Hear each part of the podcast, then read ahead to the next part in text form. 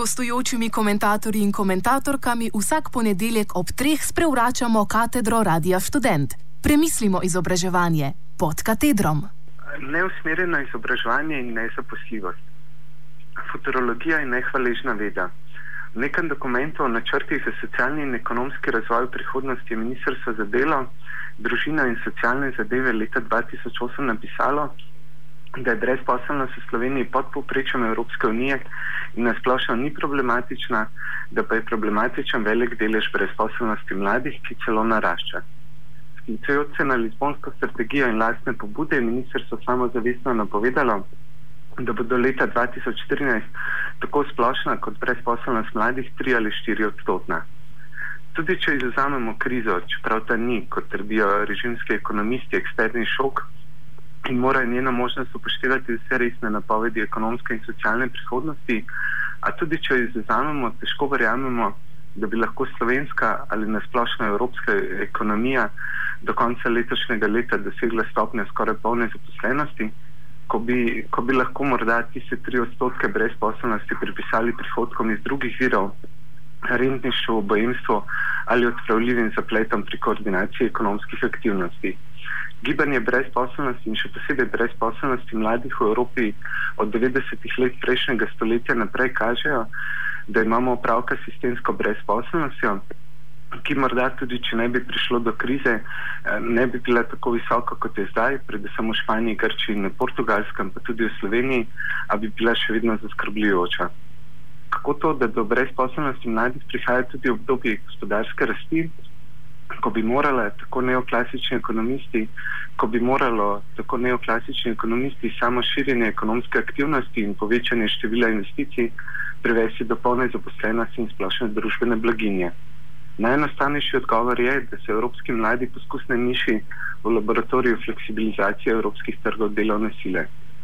Evropskemu delovstvu je v obdobju po drugi svetovni vojni uspelo izboriti zaposlitev za nedoločen čas kot normo, plačene bolniške in dopust, regrese in božičnice, skratka vse tisto, kar se danes v imenu fleksibilizacije odpravlja.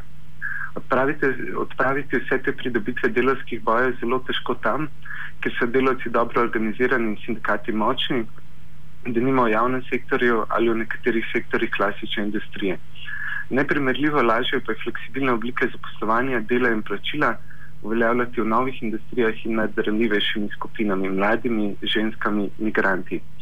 V ponavljajočih se napadih na klasične delovske pravice sindikati praviloma ščitijo tiste, ki so v času napada v rednih delovnih razmerjih, kar so večinoma etnično avtohtoni moški s pogodbami za nedoločen čas. Večina bremen in žrtev fleksibilizacije trga delovne sile se tako prenaša na tiste, ki so na robu trga delovne sile ali manjše lostopajo, kar so predvsem mladi, ki delajo v novejših, denimo kreativnih ali kulturnih industrijah.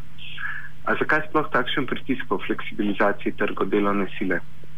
Odgovor neoklasičnih ekonomistov bi bil, da previsoke plače in preugodni delovni pogoji zmanjšujejo pobudo delodajalcev po zaposlovanju in povzročajo brezposelnost, zato je treba obrzeti rast plač in zaostriti delovne pogoje, da bi tako dosegli nekakšno enakost v revščini.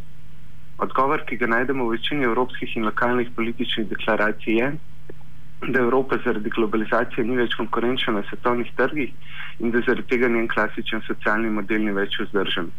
Za povečanje konkurenčnosti moramo premo sorazmerno znižati raven delovskih in socialnih pravic. Da bi bil kapitalizem dinamičen, prodoren in vitalen, morajo biti delavci revni, negotovi, prestrašeni in disciplinirani. Ta proces so klasiki imenovali mizeracija proletariata oziroma povečanje njegove bede. Tezo o mizeraciji naj bi ovrgla empirija povojnega ekonomskega in socialnega razvoja Evrope, saj se standard in kupna moč delavcev do 80-ih rasla in polna zaposlenost ni bila povsem neznana, medtem ko je petodstotna brezposobnost veljala že za alarmantno. A danes se to obdobje socializiranega kapitalizma kaže kot razmeroma kratka izjema od celotne zgodovine kapitalizma, ki je zgodovina prekarizacije in imizeracije delovskega razreda.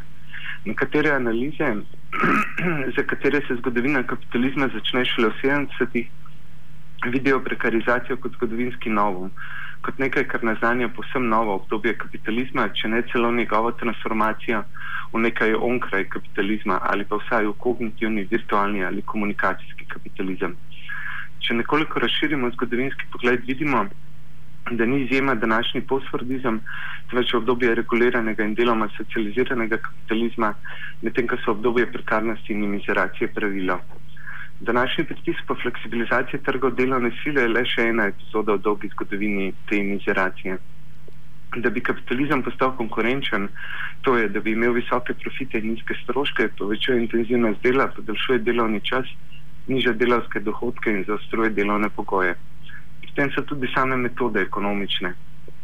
Če v poru nekem sektorju gospodarstva ali pri nekem segmentu delovskega razreda premočan in bi fleksibilizacija tam pomenila preveč stroškov in naporov, se preusmeri drugam k manj sindikalno zaščitenim in bolj ranjivim. Zato je danes prihodnost mladih v Evropi večinoma nihanje med prisilno odvečnostjo in hipereksploatiranostjo prekarnih oblikah dela in življenja. Večina šolnikov, bolonskih ekspertov in uradnikov superministrstva se s takšno analizo ne bi strinjala. Če sodimo po, po akcijskih načrtih tako levih kot desnih vlad, ter po izjavah njihovih visokošolskih ministrov, se razlog za visoko brezposobnost mladih skriva v njihovih dušah. Duše mladih imajo napako.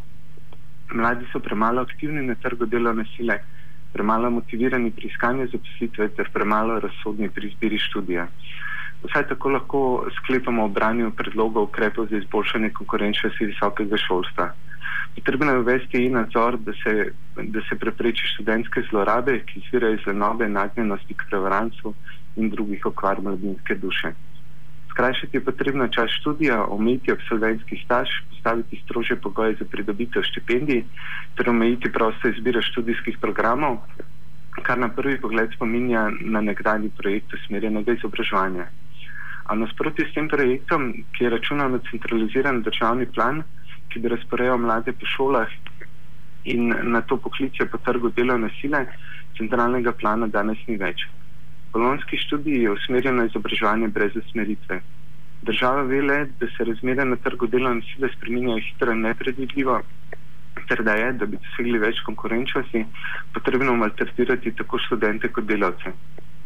Ker država več ne ve, kar je bil osnovni pogoj usmerjenega izobraževanja, se odgovornost zavedeti, kaj bo v bližnji prihodnosti iskano in zaželeno na trgu delovne sile, prenaša na mlade sami.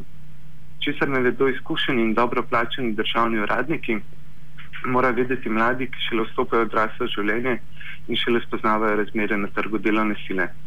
Če se pri tem ogibanju mladi zmotijo, je to le še en dokaz sprijenosti njihove duše. Poglejte jih, lenuhe in lagodneže, opisujejo se na socialno delo in primerjalno književnost, ko pa vse mogočen trg vendar, vendar le ter, terja elektrotehnike, čeprav so bile razmere na tem misičnem trgu morda v času, ko so se sedanji brezposobni upisovali povsem drugačne. Logična rešitev bi bila seveda ponovna regulacija trga delovne sile, ki bi omogočila njegovo predvidljivost ter posledično polno zaposlenost in ne kompenzacijski moralni in realni pritisk na mlade. Ko je imela regulirane trge delovne sile, je Evropa poznala tudi polno zaposlenost. Evropski in lokalni oblastniki govorijo in ravnajo nasprotno. Za katastrofalne učinke deregulacije in fleksibilizacije trgov delovne sile krivijo najbolj ranljive in občutljive skupine brezposobnosti brezposelnih, ki na svoji duši ne, ne bi premogli dovolj vrlin, da bi si zagotovili ustrezno zaposljivost in kot rešitev predlagajo problem sam, še več fleksibilizacije. Samo kritiziral, ne da bi podal konkretne alternative, je ponovno Primoš Krašovec.